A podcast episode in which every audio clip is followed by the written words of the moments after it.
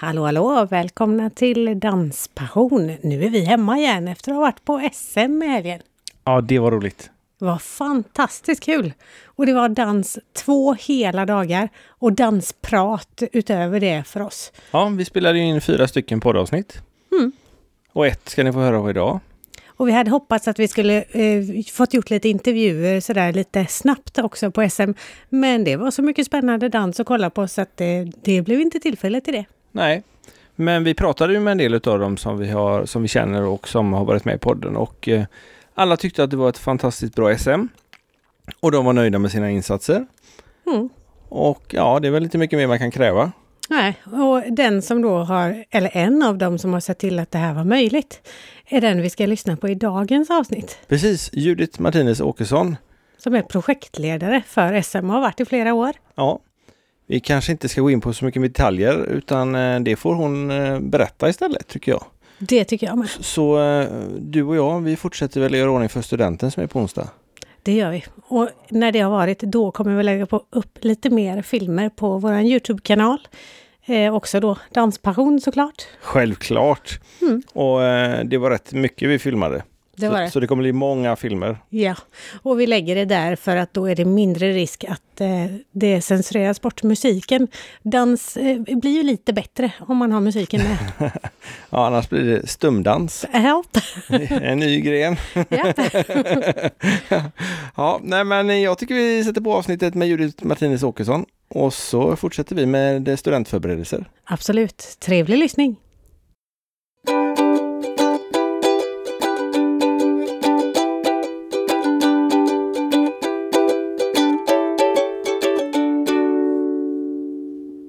Hejsan allihopa! Hjärtligt välkomna till Danspassion. Idag har jag och Maria hamnat i Gävle. Här har jag aldrig varit förut. Vi sitter på hotell och hotellet heter, Scandic CH. ja, lite udda namn, men väldigt trevligt hotell. Vi har fått en fant- ett fantastiskt rum med möjlighet att podda och utrustning här framme. Och vi har en fantastisk, energisk gäst också idag. Judith Martinez Åkesson, hjärtligt välkommen till Danspassion. Ja, men tack så mycket. Du kunde slita dig idag. Det här är alltså dagen före SM i dans börjar. Ja, Och du har en titel i det här sammanhanget som är, eh, projektledare. och då har du att SM. göra. Ja, det har jag. Men det är, ju, det är ju mycket förberedelsejobb. Och om allt funkar som det ska, då ska det ju lugna ner sig för mig nu. Och om, eh, har, eh, har jag gjort ett bra jobb och har värdföreningen gjort ett bra jobb, så har jag två lugna dagar framför mig. Så vi får se. Ja, hur känns det än så länge? Det känns bra. Det gör det. Ja, det gör det. Hur mycket förberedelser är det inför en sån här tävling? Alltså det är, det är jättemycket. Det är verkligen jättemycket. Eh, och sen går ju det i perioder givetvis, beroende på eh, var i förberedelserna man befinner sig. Men, men eh, för, för mig finns det ju ständigt med under ett år. Eh, och för värdföreningen också. Eh, och egentligen så kanske ännu längre eh, i, i det första stadiet. Men ehm, det, det är mycket. Är det ett jobb som du gör hela tiden eller är det ett uppdrag? Det är en deltid jag har Okej. eh, i Danssportförbundet. Ja. Okej, och du är alltid eh, projektledare för SM då? ja, precis. Okej. Eh, så det går i projekt, gör det. Ja. Så att det är ju eh, begränsad tid eh, som eh, förlängs om, om de och jag Om det vill. blir bra? precis. precis. Det. Hur många SM har du varit med och roddat nu? Eh, detta blir det fjärde. Då har du väl ganska mycket rutin på det hela också?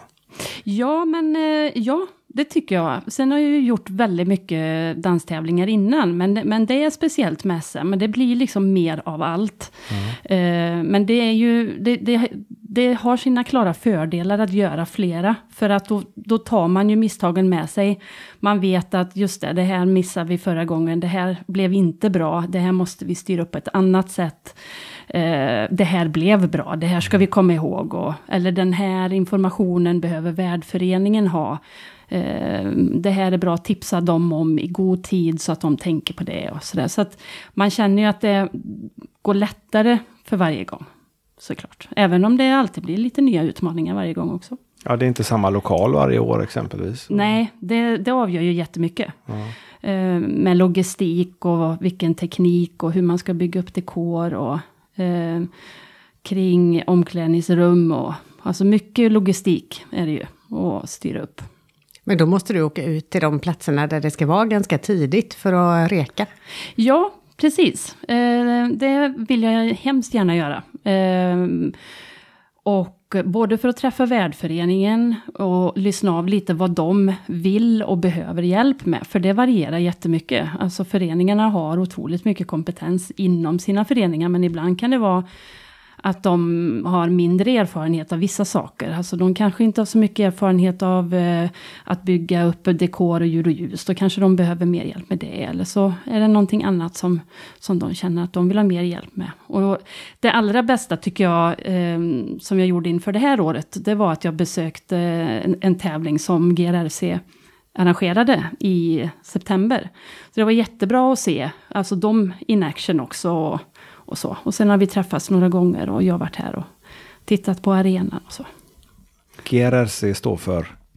Gävle Rock'n'Rolling Club. Så och det är det, de som är arrangörerna i år? Just det. Därför är vi i Gävle. Ja. Precis, och förra året var vi i Skövde. Precis, det var vårt första, första gången vi såg ett SM i dans. Mm. Mm. Vi blev helt, helt sålda. sålda. ja. Det var då vi kom på att det här måste vi göra mer av och göra en podd om. Ja, Precis. men det är ju en dansfest alltså. Det är det är ju en eh, dansfest utan dess like om man är dansintresserad. Men det som, som, man, som jag fick till mig väldigt mycket förra året i Skövde, det var att det var mycket publik där som kanske inte är så vana vid att gå på danstävling. Och jag tror på en vanlig danstävling så blir det ju ändå det tilltalar väl mest de som redan är frälsta. Mm. Eh, men i det här sammanhanget när det blir sån variation på olika danser och stilar och musik och och så på högsta nivå alltihopa. Så det är ju helt underbart. Då måste spiken vara med och förklara lite grann för de som inte är hemma inom exempelvis. Om, för det var ju, förra året var det disco, rock'n'roll-danserna och tiodans. Ja, ja, precis. Latinostandard. Ja. Latinostandard. Ja. Och då kanske man inte kan alla grenarna och vet vad det handlar om. Och då är det ju jättebra om spiken är informerad och kan. Ja, precis. Jag tror att det, är no, det är ju någonting som skulle vara spännande att utveckla. Att ja. man gör tävlingarna lite mer förståeliga för den som inte är insatt. Lite mer publikfriande kanske. Ja, mm. alltså för att de ska förstå vad är det jag tittar på. och, och vad är det som bedöms? Ja. Den för det, ja. Det hade varit kul att se bara lite grann. Liksom, ja. Så att man fattar vad man ska titta efter ja. åtminstone. Ja, men så är det ju.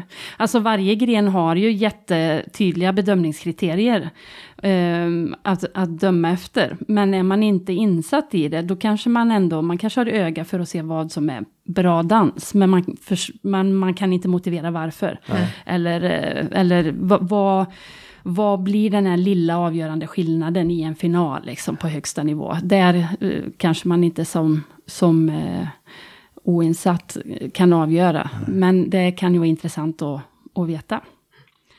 Räknar ni med ännu mer publik denna gången än förra gången? Ja, vi, vi vet att det blir det. Alltså? Ja, okay. det är det som är så himla roligt. Alltså vi, de har sålt mer biljetter än, än, förra året och då vet vi att det kommer mycket folk som, eh, som köper biljetter på plats. Så det känns jätte, jättekul. Häftigt. Men vad, du är med i Danssportförbundet förutom att du är med som projektledare för SM? Ja. Vad gör du då? Ja, då är jag ideellt engagerad i eh, verksamhetsområdet disco och hiphop. Eh, så jag är ordförande för, i den kommittén. Mm. Och disco och hiphop är inte med någonting nu på SM? Eller? Nej, eh, de eh, grenarna hade sitt SM på SM-veckan som var i Sundsvall okay. i februari.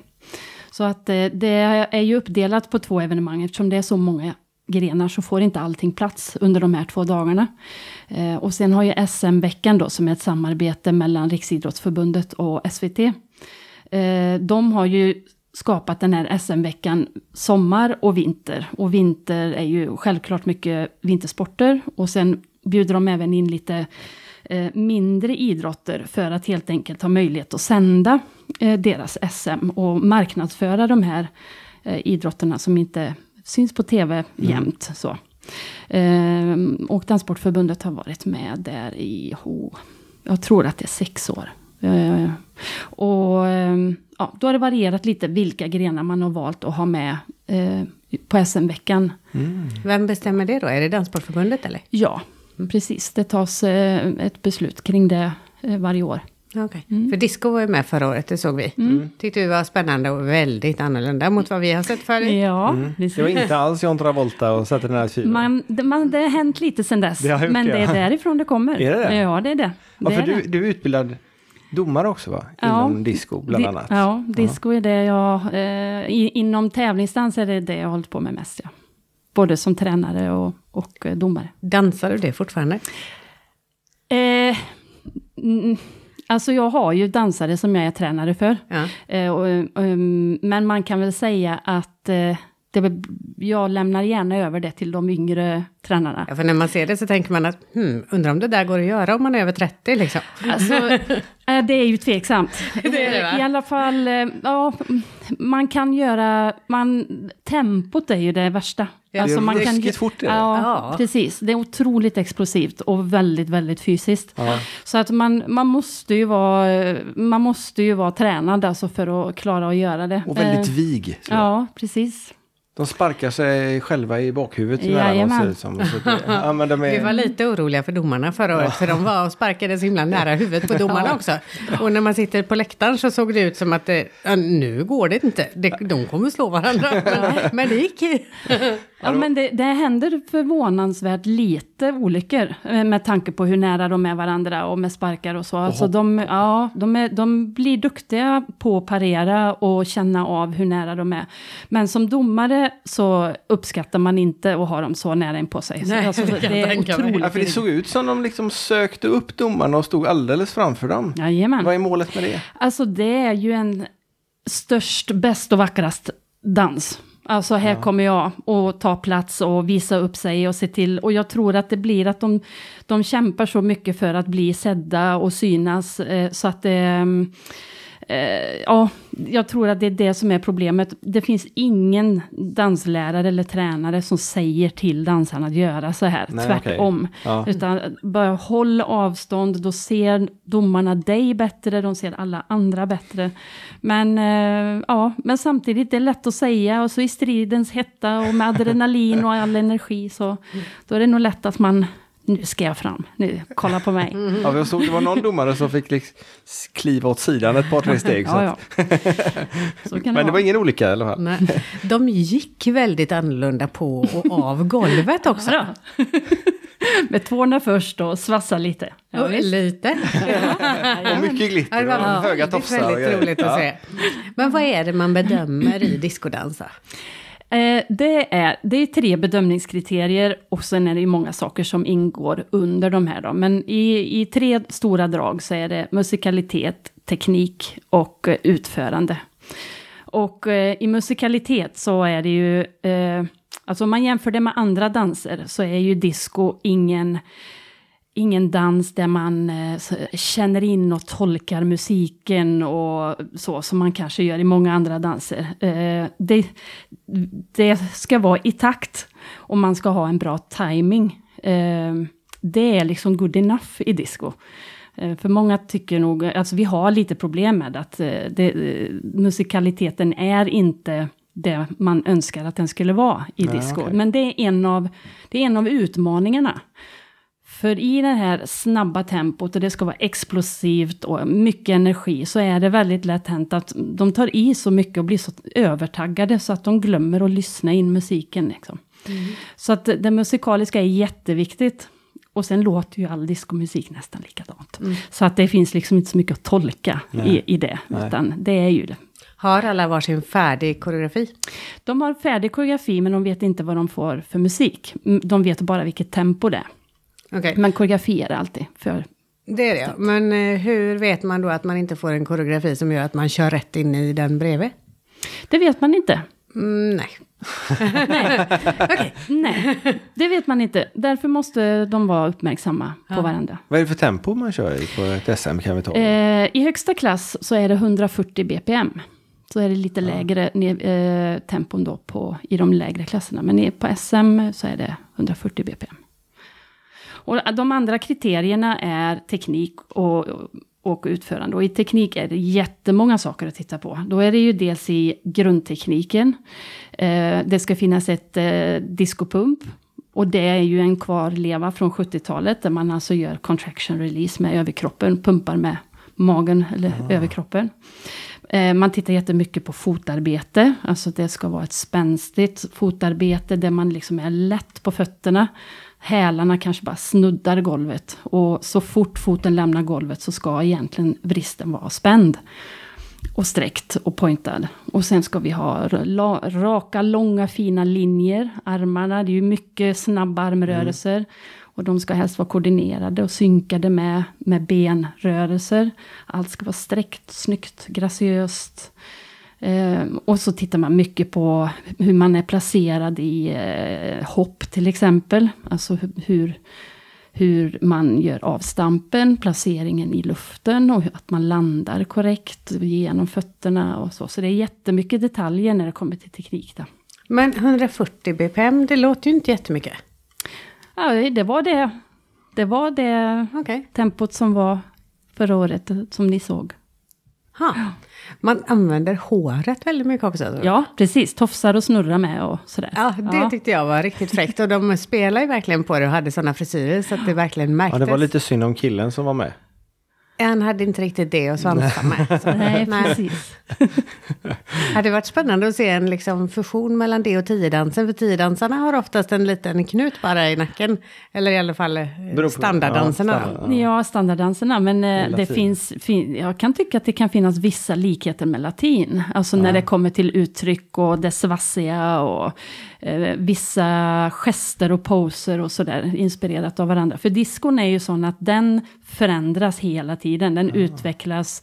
Det finns liksom inte en bok skriven 1974, det här är diskodans. Utan det började ju med Travolta. Mm. Och sen har ju dansen liksom utvecklats eh, med trender. Alltså den följer ofta både musik och eh, danstrender. Som nu är det exempelvis väldigt eh, populärt med sådana här stilar som brukar kallas för commercial eller girly style och där man kanske dansar i högklackat och då är det väldigt mycket poser och gester och kaxigt så. Och det ser man att diskon är jätteinfluerad av idag. Mm. Så det såg väldigt annorlunda ut bara ja. fem år sedan. Fick vi med alla delarna nu? Nej, utförande har vi också. Utförande också. Och det blir ju en, en helhetsbedömning och mycket kring utstrålning. Eh, hur du presenterar dig själv. Eh, det bedöms också. Tävlar man internationellt i disco också eller? Ja, det gör man. Och det är samma regler som, det är samma regelverk som går över eller? Ja, i stora drag ja. är det det. Mm. Har du tävlat i disco själv också? Nej, jag har inte det. Alltså jag har inte, jag kom i kontakt med tävlingsdans väldigt sent. Eh, och tyvärr skulle jag säga, för det hade varit, eh, nu så här, eh, som vuxen kan jag ju se att det hade varit klockrent för mig, som barn och, och ungdom. Eh, helt klart. Men eh, det, jag hade inte tillgång till det då. Så att när jag började, eh, alltså ganska många år, de första åren, så höll jag på med dans mer på alltså scen. Alltså scenisk dans och shower och eh, så. Så att jag kom i kontakt med tävlingsdans när jag började jobba på en dansskola och undervisa där de hade detta. Och kände bara, det där vill jag hålla på med, det såg ju kul ut. Eh, så ja, Eh, så det kom in ganska sent eh, i mitt dansliv faktiskt. Och dansat har du gjort länge? Ja, hela livet. Jag hela började livet. dansa ballett när jag var sex år. Okay. Jag har precis flyttat och då, rensar man ju i garderoberna och hittade mängder med gamla tidningsurklipp ifrån den, alltså när jag var sex, sju, åtta år och i så här balettkjol och uppvisningar och sådär. Det var helt fantastiskt att se. Jag hade faktiskt glömt bort mycket av det där. Men du har dansat ballett och show och disco. Har du dansat några pardanser? Nej, jag har Nej. ju inte det. Eh, men jag, jag skulle så gärna vilja. Och jag ska säga att, att det blev jazz och ballett och show och hiphop och sånt. Det är Eh, det var, jag tror att det för att det var det jag hade tillgång till först. Så det var där jag hamnade. Det hade precis lika gärna kunnat bli eh, swingdanser eller eh, latinostandard. Det, det hade nog inte spelat någon som helst roll. Utan det var nog en slump. Att det var, blev som det blev. För vi har ju googlat lite grann på dig. Okej. Nu blir det spännande. Nej, det är inte så farligt. Men du har ganska lång eh, utbildning, här, eller meritlista här. Du är dansledare, zumba-instruktör, Ja. koreograf. Mm. Och det är inte för eh, någonting du har hittat på själv, utan West Side Story och Hair. Mm. Det är ganska tuffa grejer. Ja, jättekul. Eh, vill du berätta någonting om det innan jag fortsätter med resten? Ja, det skulle jag kunna göra. Nej, men det var ju mycket, mycket av det började jag ju göra ganska tidigt. Eh, och, och koreografera. Det började egentligen med revyer. Att jag koreograferade väldigt mycket revy. Och sen kom jag i kontakt med eh, eh, teatersällskap som satte upp eh, eh, musikaler också. Så att eh, det gjorde jag ju ganska mycket innan jag kom in på det här med tävlingsdans också. Så eh, ja, Men hur kommer man in på, och, har du gått någon utbildning för att vara koreograf? Eller är det bara en naturlig fallenhet? Eh, det finns väldigt lite utbildningar inom alltså att bli koreograf. Alltså det finns, eh, vad jag vet nu, så finns det en på Danshögskolan, men den är ju väldigt inriktad på modern dans. Alltså eh, sån här mer abstrakt nutida dans, inte så teatraliskt. Jag tror att de allra flesta koreografer eh, börjar, får, en, får ett tillfälle att börja eh, att koreografera. Man får frågan, man, då har man väl oftast undervisat mycket kanske. Så, eh, så, så var det väl för mig i alla fall. Eller någon tipsar när någon behöver. Eh, och sen ger det ena det andra. Det är oftast, så har det varit med det mesta för min del. jag har- inte haft så mycket plan, utan ja men det där låter kul, det provar vi. En liten naturbegåvning med andra ord. Ja, kanske, ja. Det låter bra, vi Ja, säger det tycker ja. jag. Ja. Var någonstans var det de gick någonstans? Eh, musikalerna var i Ja, Skövde. I Skövde? Ja, både West Side Story och Och det är därifrån du är? Nej, jag är från en grannkommun till Skövde som heter Tidaholm. Ja, En. Mm. liten stad. Men jag är uppvuxen där. Även om jag inte är född där då. Men, Men det är de områdena. Men du har dansat i Göteborg? ja, jag gick en ettårig eh, dansutbildning där. Eh, gjorde jag. Sen men måste jag tänka efter det här. Det känns som att det är så länge sedan. Eh, jo, men det gjorde jag. Och sen bodde jag, jag bodde i Göteborg eh, under en tid när jag frilansade också. Så. Eh, men det, det alltid känts som att jag har aldrig jobbat riktigt där jag bor. eh, så att det var under en period när, eh, när jag flyttade från Tidaholm. Det var när jag började den, eh, den utbildningen i Göteborg. Så flyttade jag runt jättemycket under tio års tid. Eh, och sen efter de tio åren så var jag liksom lite trött på det här och flacka runt och, och frilansa och Eh, alltså den osäkerheten som det innebär att alltid ha väldigt korta projektjobb och sådär. Så jag tänkte, ja men jag flyttar hem till Tidaholm och så ska jag nog skaffa ett, riktigt jobb. Frilansandet, var det också inom dans? Ja, Ja. ja enbart. Och vad blev det för riktigt jobb nu då? Det blev, ja, det som blev var, jag hade ju tänkt att jag skulle sluta med dans, men jag startade dansskola istället. Ja, det är ju Ja. mycket bättre. Precis. Så att eh, då vart det ju ännu mer dans Ja. istället. Men så har det varit. Det, jag har insett det. Jag har haft eh, nå- ett par tillfällen eh, i, i livet där jag har liksom sagt att, eh, till mig själv att nej men nu, nu ska jag nog eh, sluta och, och göra något annat. Och varje gång jag tänker det så händer någonting som gör att det bara blir ännu mer. Ja, det var kul. Ja, Tanken är att du ska vara kvar inom dansen. Mm. Jag ser det som ett eh, väldigt tydligt tecken. Ja. Vilka danser har du på dansskolan? Alltså nu driver jag ju inte dansskolan längre. Jag Nej, gjorde det under 11 år. Och då hade vi eh, barndans, ballett och jazz och modernt och disco, hiphop. Perioder med afrikansk dans och vi har haft orientaliskt och lite allt möjligt. Men då, har ju- då har ju inte jag undervisat allt det själv då. Men det var under eh, några år där jag undervisade väldigt, väldigt, väldigt, väldigt mycket. Alltså 25 lektioner i veckan liksom och driva företag och så. Men så det som eh, hände sen var att jag egentligen lämnade över dansskoleverksamheten till Kulturskolan i, i Tidaholm. Och så började jag jobba där istället, vilket jag gör nu då. Så att eh, dansskolan finns kvar fast under eh, kommunens regi. Och sen är det ungefär samma utbud och samma danslärare som jobbar där. Och, och så har jag lite ansvar för dansområdet där då. Det funkar Så det är jättebra. nästan kvar. Lite same same but different. Ja, precis. precis.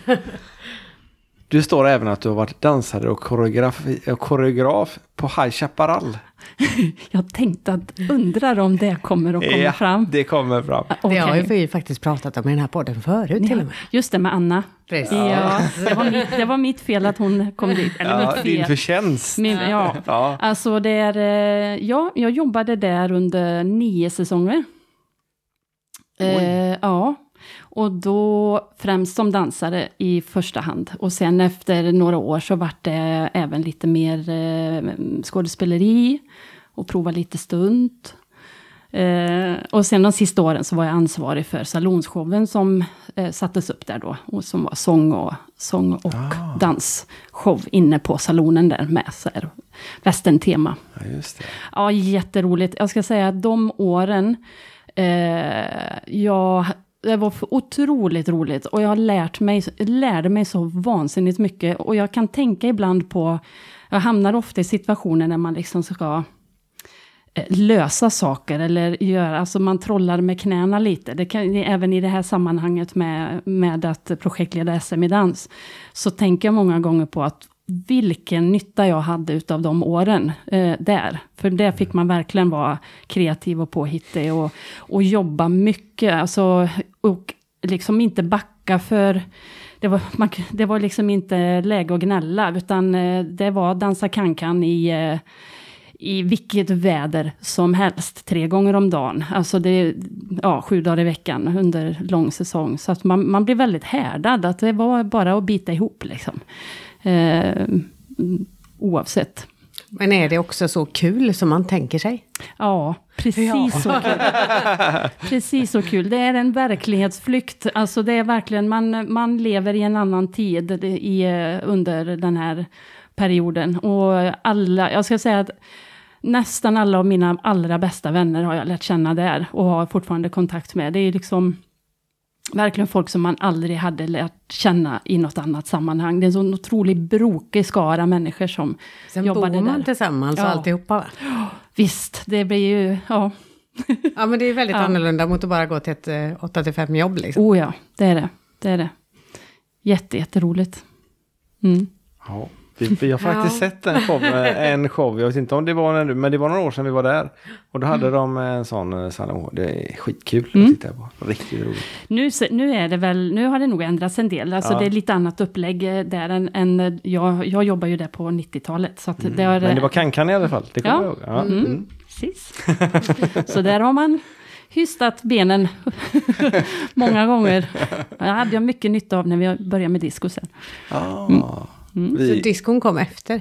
Faktiskt ja. Ja, Mm. okej. det är nästan samma sak som kankan. Jag tror jag föredrar musiken på Kankan. Det är ungefär samma tempo faktiskt. Ja. Ja, tempot kan jag tänka mig. Ja. Mm. Vad är det för eh, förväntningar du har inför SM nu?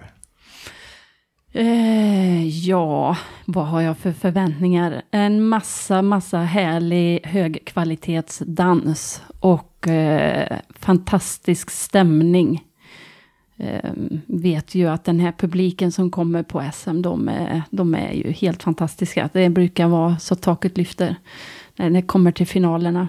Eh, det ser jag fram emot. Vad är det svåraste med att vara pro- projektledare? För att det här- det är ju ett ganska stort evenemang.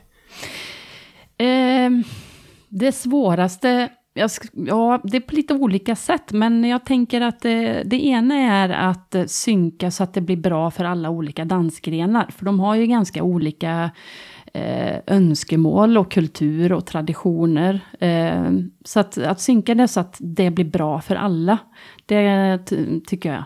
Eh, men eh, man lär sig, man får ju sätta sig in i hur hur, eh, hur danserna fungerar och vad det är för behov de har och vad som är viktigt för dem och, och så. Ehm, och sen är det ju Är- lite att är arrangera olika- på distans. Liksom. Det, ja. Det kan jag tänka mig är svårt. Mm. Är det olika även hur man vill ha tävlingen när man väl är på golvet som dansare i de olika?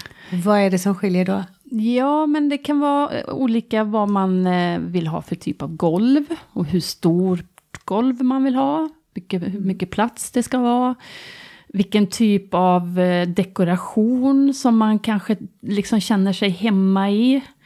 Ehm, ja, och med omklädningsrum och sånt där också. Vad det finns för utrustning där. Eh, hur stort det är, hur långt det är från, från tävlingsgolvet. Och ja, vad det finns för tillgång till typ av mat under tävlingsdagarna kan ju också vara väldigt olika. Det har vi noterat att det är väldigt olika när man åker på olika typer av tävlingar. Ja. På eh, tiodanstävlingar som vi har varit på några, där är det oftast ganska nyttig mat. Eh, Men det är det inte på bugg och rock'n'roll-tävlingar. Nej, precis. Och, precis. Och, då, och då, är- det är ju en sån här typisk eh, sak som är jätteviktig att tänka på beroende på vad, vad det är för värdförening. För de kanske tänker, vad, vad uppskattar vi när vi åker på tävling? Och så, så kanske man glömmer bort de andra grenarna då. Så, och sådana detaljer är jätteviktigt, tycker jag. Belysningen har vi reagerat på att den ofta är ganska olika också. Mm. Vad blir det för belysning nu? Eh, bra hoppas jag. Nej men det som, det som är viktigt med belysningen är, alltså ljuset är ju... Eh, alltså den, dels så är det ju så viktigt för stämningen på arenan och hela inramningen, att det ska bli stämningsfullt, det ska kännas pampigt och, och snyggt. Eh, men det ska ju också vara praktiskt, alltså man ska se bra över hela golvet. Och det är ju också så att danserna använder ju golvet väldigt olika. En del är centrerade i mitten, en del rör sig ända ute i kanterna och hörnen. Så det måste ju vara jämnt. Eh, och så vill man ju att det ska vara ett bra ljus både live men även i sändning. Alltså att dans-tv har ett bra förutsättningar för att, för att sända så att det ser, se, så man ser bra även i, i streamingen då. Hur många är det som är engagerade på ett sånt här SM? Som funktionärer? Ja, funktionärer och även i, in, inför SM. -et. Ja, alltså... För du gör det inte själv förmodligen. Nej, nej. Eh, eh, om vi säger... ehm, jag har ju jag har en styrgrupp som, jag, eh, som är min närmsta, eh, mina närmsta bollplank, alltså som hjälper mig i beslut och stora beslut som kanske handlar om eh, pengar och kostnader eller upplägg. Och, alltså eh, beslut som är för stora för mig att ta själv. Och det är ju tre personer ur förbundsstyrelsen eh, som jag då bollar med. Och sedan har ju då värdföreningen, GRRC i det här fallet, de har en projektgrupp också som har huvudansvaret. Eh, och sedan väljer ju varje värdförening lite grann hur de vill jobba. Den här föreningen har ju alltså eh, jättemånga volontärer och har jobbat med 16 arbetsgrupper tror jag. Och engagerat väldigt mycket folk. Ehm, Så, så det blir ju lite att vi blir ju några personer som, eh, som håller, håller ihop trådarna och sen så blir det ju väldigt mycket folk engagerat eh, ute, ute som väl mm, arbetar på plats, framförallt de här dagarna då. Så mi, mitt arbete är ju mer förberedande än, än liksom de här dagarna. Så nu kan du nästan slappna av. Ja, om allt går bra. Men är det så att det uppstår problem, då får ju jag göra. Alltså då har ju jag ansvar att se till att hjälpa till att lösa saker.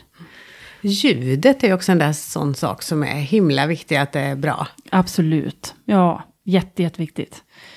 Åker du hit och kollar det och sådär också då? För det, det måste ju bli ganska olika ljud i olika arenor och olika anläggningar och så också såklart. Ja, det blir det.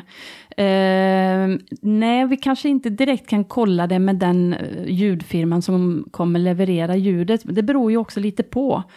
Eh, I det här fallet har vi en ljudfirma som är väldigt vana vid att arbeta i den här arenan. Ja, det kan ju vara bra. Ja, det är en jättestor fördel.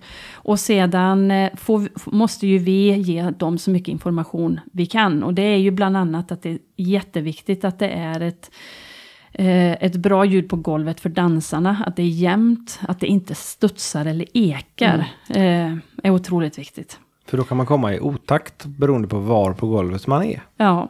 Eller att man eh, som publik eller domare upplever att de dansar otakt beroende på var man står. Så det är ju superviktigt. Och det är också just det att publikljudet, mm, att det också är synkat med det dansarna hör på golvet. För det kan också vara jätte eh, frustrerande att, att man, tro, man upplever som publik att det inte är i takt eller musikaliskt. Fast nere på golvet så är det det.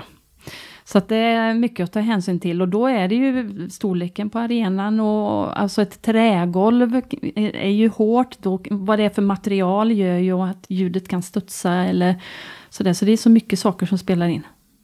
Men um, mm, vi får se imorgon här. Mm, väldigt mycket att tänka på. Mm. Är det någonting som du har tagit med dig sådär som det där ska jag göra annorlunda och nu känner jag att jag har koll på det i år? Ehm, mm, mm. Ja, det, vad jag ska göra annorlunda till nästa år. Nej, till i år Till, tänkte jag. Alltså vad jag Har tänkte, gjort annorlunda från Har förra året tills Ja, nu. just det. Ja, det är mycket små saker tror jag. Eh, för jag har sån här eh, Eh, Excel-filer med planeringar.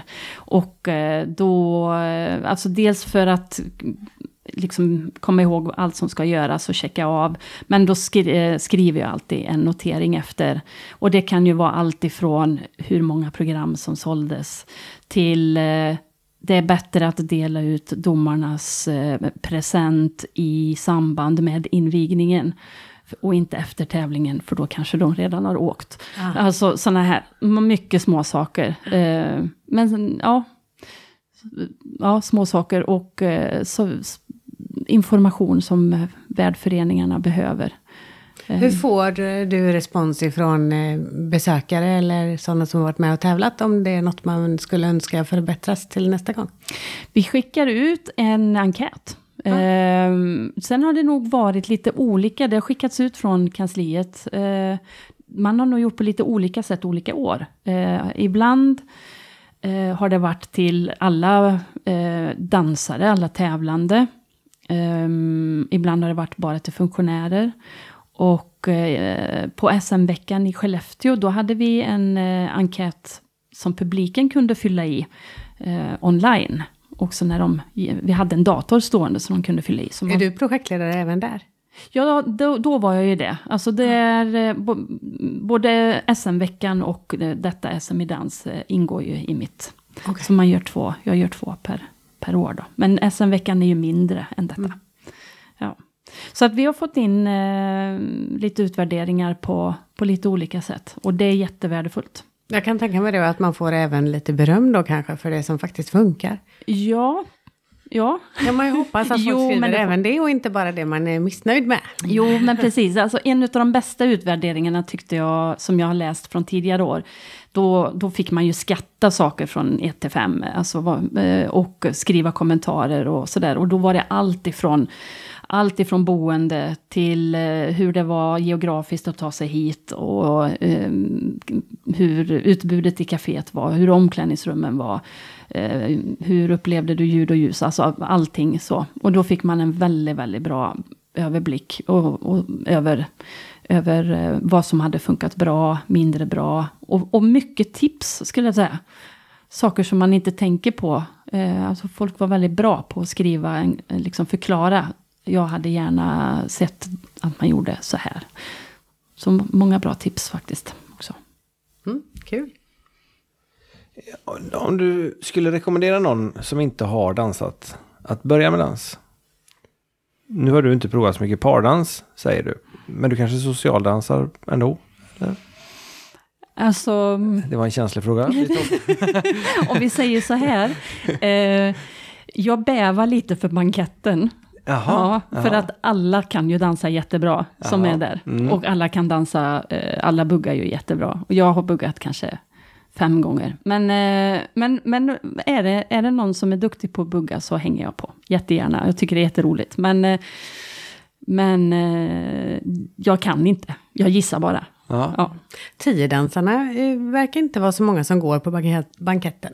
Nej, de Nej. saknar vi. De Ja. skulle vi vilja ha där. Men jag, jag vet inte riktigt vad, vad det beror på. Men ja, det har varit det, det är tunt. Får jobba lite hårdare på det Absolut. till nästa år. Ja, Specialinbjudningar kanske de kräver, jag vet inte. Eller- eller eller att de- lite anpassad musik. Jag tänkte ju kanske. säga det, att de vet om att det kommer även musik som de kan använda. De kanske känner likadant som du, att de inte kan bugga. ja. men så kan det vara. Så Ja. kan det vara faktiskt. Men det brukar ju vara ett, eh, ett dansgolv med typ disco och hiphopmusik också. Det brukar vara bra röj på, på det golvet. Jaha. Ja. Det missade vi. Ja, var det det förra året med? Eh, förra året var det inte Nej, det. Men det nej. var vi mellan. Det. det. var ju det mellan, eh, mellan i, pa, i bandets pauser. Så var det ju lite annan. Då var det ju en diskjockey som spelade. Ja, det var en disco. Ja, Ja, precis. stämmer. Vad är det för band som spelar i år då? Det är Jannes. Jaha. Mm. Och vi har ju inte fixat biljetter till banketten. Men det kanske finns kvar. Uh, Efterinsläppsbiljetter tror jag. Ja. Går att ordna. Alltid något. Ja, ja. men, men, eh, men, eh, Vi får kolla på det. Ja, precis. Men det var det. Men om, om, du nu, om vi tar ditt gebit då, de danserna som du har hållit på med. Mm. Vilken utav dem skulle du rekommendera att man börjar dansa med? Om man nu vill börja dansa, om man är nybörjare. Oh. Alltså tro det eller ej, men alltså jag hade, ha- eh, när jag hade dansskolan, då hade jag alltså 35, alltså sådana här 30 plus kurser. Både i disco och hiphop och alltså jätte, jätteroligt. Väldigt, väldigt bra träningsform. Alltså för, Det kan jag tänka mig. Ja, men det är klart att då undervisar man ju, då anpassar man ju undervisningen och innehållet och tempot och, och så, såklart. Men det beror lite på, vill man ha konditionsträning så är ju disco jätte, jättebra. Eh, hiphopen eh, får du ju ligga i rätt så bra också. Sen så gillar jag ju de här konstnärliga danserna, alltså jazz och modernt, där du får kanske jobba mer med uttryck och känsla och tolka musik och, och inlevelse och så. Och då, då tror jag att det kan vara roligt eh, om man är äldre nybörjare. För då blir det inte så, det blir inte så hetsigt. Just det, man hinner tänka ja, emellan. men precis, man hinner både tänka och känna. Men finns inte diskon i någon långsam variant också? Eller den heter något annat då? Eh, du tänker kanske på slow dance? Så är det. Ja, Det är samma kläder men i princip, ja, det är Alltså, kanske det inte ens har- är det heller. det har samma ursprung som diskon. Ah, okej. eh, alltså, om man ska ta, göra en lång historia kort, så vid 70-talet där då när Travolta-diskon kom, så var dansskolorna väldigt snabba med att snappa upp detta och starta diskokurser. Och sen tog det lite olika vägar i olika länder. Så eh, England, Norge, Sydafrika, de utvecklade en stil som då heter eh, freestyle, eller freestyle disco jazz. Och i övriga Europa och Skandinavien så utvecklades det till våran disco så att säga. Och de har då liksom levt lite parallellvärldar. Och den här freestyle, dis, freestyle disco jazz, den går ännu snabbare än vad discon gör. Eh, och den, eh, man dansar i cirkel och så är det ännu mera tricks. Oj. Eh, Och i stort sett nästan bara skulle jag säga. Det är bara kickar, hopp och snurr. Och jätte, jättesnabbt och ännu mer explosivt. Eh, och det som är intressant då, det är att eh, efter ett tag så när de hade sina tävlingar i den här freestyle-stilen så inledde de med en liten sån här ett intro som gick långsamt som en ballad. Och då dansade de ju mer graciöst och mjukt. Och så kom de på att det där såg ju trevligt ut. Och därur kom den här slowdance. Så att det blev en egen gren. Och så slowdance kommer ju egentligen från diskon också. Den har samma explosivitet, eh, mycket tricks och hopp och så. Men man dansar det till lugnare musik. Och det är mer graciöst och influerat av jazz och modernt också. Så. Men den har liksom den här disco-touchen eh, i sig.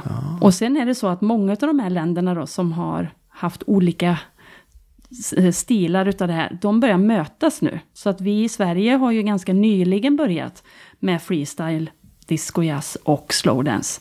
Och de länderna som har hållit på med det mest, de börjar ut, jobba mer med disco. Så att det är som att de här två dansvärldarna möts efter att ha levt lite parallellliv. Så. Vad intressant, för jag visste inte att det fanns en som är, ursäkta uttrycket, ännu värre. Ja, ja. ja, men så är det. Så är det. Sen är ju slowen, eh, har ju blivit väldigt populärt. Så när, väldigt mycket discodansare dansar ju slowdance också. Eh, inte lika många dansar eh, freestyle disco jazz. Och det är väl lite det här, alltså att det är så snabbt som Ja. gör att det, det, det skrämmer, skrämmer nästan lite. Men eh, Och så finns det i, i, i grupp och så finns det i duo också va? ja, man kan tävla både solo och duo och, och i small team och big team. Oj då. Så small team då, och trio ska vi börja med nu Jaha, också. Just jaha. det, börjar vi med till Det är hösten. dubbelbugg disco. Kan man säga. kan man säga. Fast Ja. man får inte lyfta varandra. Nej, okej, man får hoppa själv väldigt mycket. Ja, det får man göra. Över Ja. varann och un Ja. och under och alla varianter. Men man får inte lyfta. Nej, okej. Vi brukar ju alltid fråga våra gäster Mm. vad danspassion är för dem. Och Ja. du får samma fråga. Vad är danspassion för dig? Eh, ja, danspassion är... Eh, alltså jag... Dans, dans är verkligen en livspassion passion för mig. För mig har det alltid funnits med. Och eh, sen har det förändrats under, under åren. Eh, när jag var yngre så var det någonting som jag behövde väldigt, väldigt mycket för, för att må bra. Alltså om jag inte dansade, då mådde jag inte bra. Jag var tvungen att på något sätt, eh, det, var, det blir som en ventil för allt man både känner och tänker och tycker. Om man hade haft en bra dag eller dålig dag, eller allt kunde man liksom uttrycka genom, genom dansen. Eh, så just det här att, eh, att känna att man verkligen måste dansa. Det är ju en del utav danspassionen. Idag ser det väldigt annorlunda ut för mig. För att förr då, då, var, då var det viktiga för mig att få dansa själv. Det var liksom det som var det viktigaste. Eh, idag är det inte alls så. Alltså jag, jag eh, är, eh, njuter så mycket av att se elever utvecklas eller eh, Eh, tävlande dansare som man har hjälpt att träna och coacha. Så att se dem utvecklas och lära sig nytt. Och, och se dem utvecklas som personer, för det gör man ju också. Alltså det är så mycket i eh, utöver den här eh, fysiska prestationen så är det så mycket som händer med en som person. Alltså man, ut, man, man, det kan ju vara ganska utlämnande beroende lite på vilken typ av dans man håller på med. Men att just det här att ta plats och eh, förmedla känsla, förmedla eh, ett uttryck. Så det är väldigt, väldigt utvecklande. Och, och idag så är jag jättenöjd med att bara titta på dans. Och det kan vara vilken dans som helst. Alltså jag kallar mig själv för dansnörd. Eh, jag känner inte alls samma behov av att dansa själv. Men, eh, men jag, jag har svårt att se att ett liv utan dans. Liksom. Även om jag inte är lika aktiv själv längre. Så ja, en passion är ju något man inte kan vara utan. Helt enkelt. Har du familj också? Ja, det har jag. Dansar de med? Mm, Oh nej. Oh nej till och med. Oh nej. Jag har eh, en sambo, eh, Jonas, och eh, två söner som är tre och tio år. Eh, Den store killen, han, eh, honom gick vi på, på pyttedans med när han var två år, en termin. En termin gick jättebra, skrattade han jättemycket, tyckte det var jätteroligt. Sen eh, ville han bara leka med legot och bilarna som var i, i, i rummet utanför. Och han, jag måste nog säga att det, han är nog anti snarare. Alltså, jag tror tyvärr att det är lite så att dans för honom betyder bara att mamma inte är hemma. Liksom. Det, är- Det kanske blir som varannan generation. Där. Ja, kanske. Vi får se. Den, den, eh, den lille, han, eh, ja, han dansar drakdansen med glädje. Från Bolibompa. Men eh, jag undviker att släppa med dem för mycket. Jag vill inte pracka på dem något. Utan eh, kommer det ett, ett, finns det ett dansintresse så får de uttrycka det själva. När de är sugna på det. Men det är ju bra, då har du en barnvakt hemma också, eller på säga. en, pappa, en pappa som är närvarande, mamma Ja. är, är projektledare. Ja, men precis. precis. Och han, eh, han är mer intresserad av eh, muskelbilar och sånt. Och det verkar som att killarna går den vägen också. Aha, men då är han i garaget mestadels, så att då vet du vad han är också. Ja, precis. Ja, Ja, men det är väl trevligt med bilar också. ja det är det absolut. Var du med i Danssportförbundets styrelse du också? Nej, Nej. det är jag inte. Nej. Vilka tre är det som hjälper dig som är med i, eller som var med i den här speciella kommittén? Eh, just nu är det två stycken. Eh, det, det ska väljas in en tredje. Så just nu är det Tony Irving och så är det eh, Jan Lund Jensen. Och eh, Angelica som är eh, kanslist eh, brukar ofta vara med på, på möten också. Eh, Mm. så. Är det klart att det är du som ska hålla i det och vara projektledare även för nästa år? Det är inte klart. Eh, Nej. eh, mitt, mitt, det, här, det här projektet sträcker sig till en, en bit in i, in i höst. Ja. får vi se vad som händer sen. Spännande. Ja. Är det så att det är bestämt var nästa års SM ska vara? Ja, det är Får bestämt. du lov att avslöja det? Får jag det? Det är så här att de har en monter eh, på tävlingsarenan eh, här Då i helgen. får du det, för det här släpps inte förrän nästa vecka. Okej, det kommer vara i Örnsköldsvik. Oj! Det blir långt Suck. då. ja men vad roligt, då får vi kommit så långt norrut också. Ja, precis. Det blir precis. tre dagar att åka med bil istället för en. Ja, men det är, eh, det är... eh, Jag har haft ganska mycket kontakt med dem eh, redan och har varit där och, och, och eh, träffat värdföreningen och tittat på arenan. Och, eh, de är nu här för att promota eh, för att promota nästa år och då har de även med sig folk från sitt eh, destinationsbolag. Och eh, det känns som att de har jättebra förutsättningar för ett bra arrangemang där. Kul! Ja, och det finns faktiskt väldigt mycket dansare i norra Sverige. Absolut. Som, eh, som är vana vid att åka väldigt långt. Så att det är väl vi i södra Sverige som får, vi är, vi är lite bortskämda tror jag med att inte ha så långt. Så är det nog. Mm. Vi hade väl 70 mil hit eller något liknande. Så att, Ja, ja, det var lagom. ja, men lag, lagom tripp, ja precis. Ja, nej, men vi får väl släppa iväg dig igen så att du får se till så att de sköter sig. Ja, det, det gör de nog.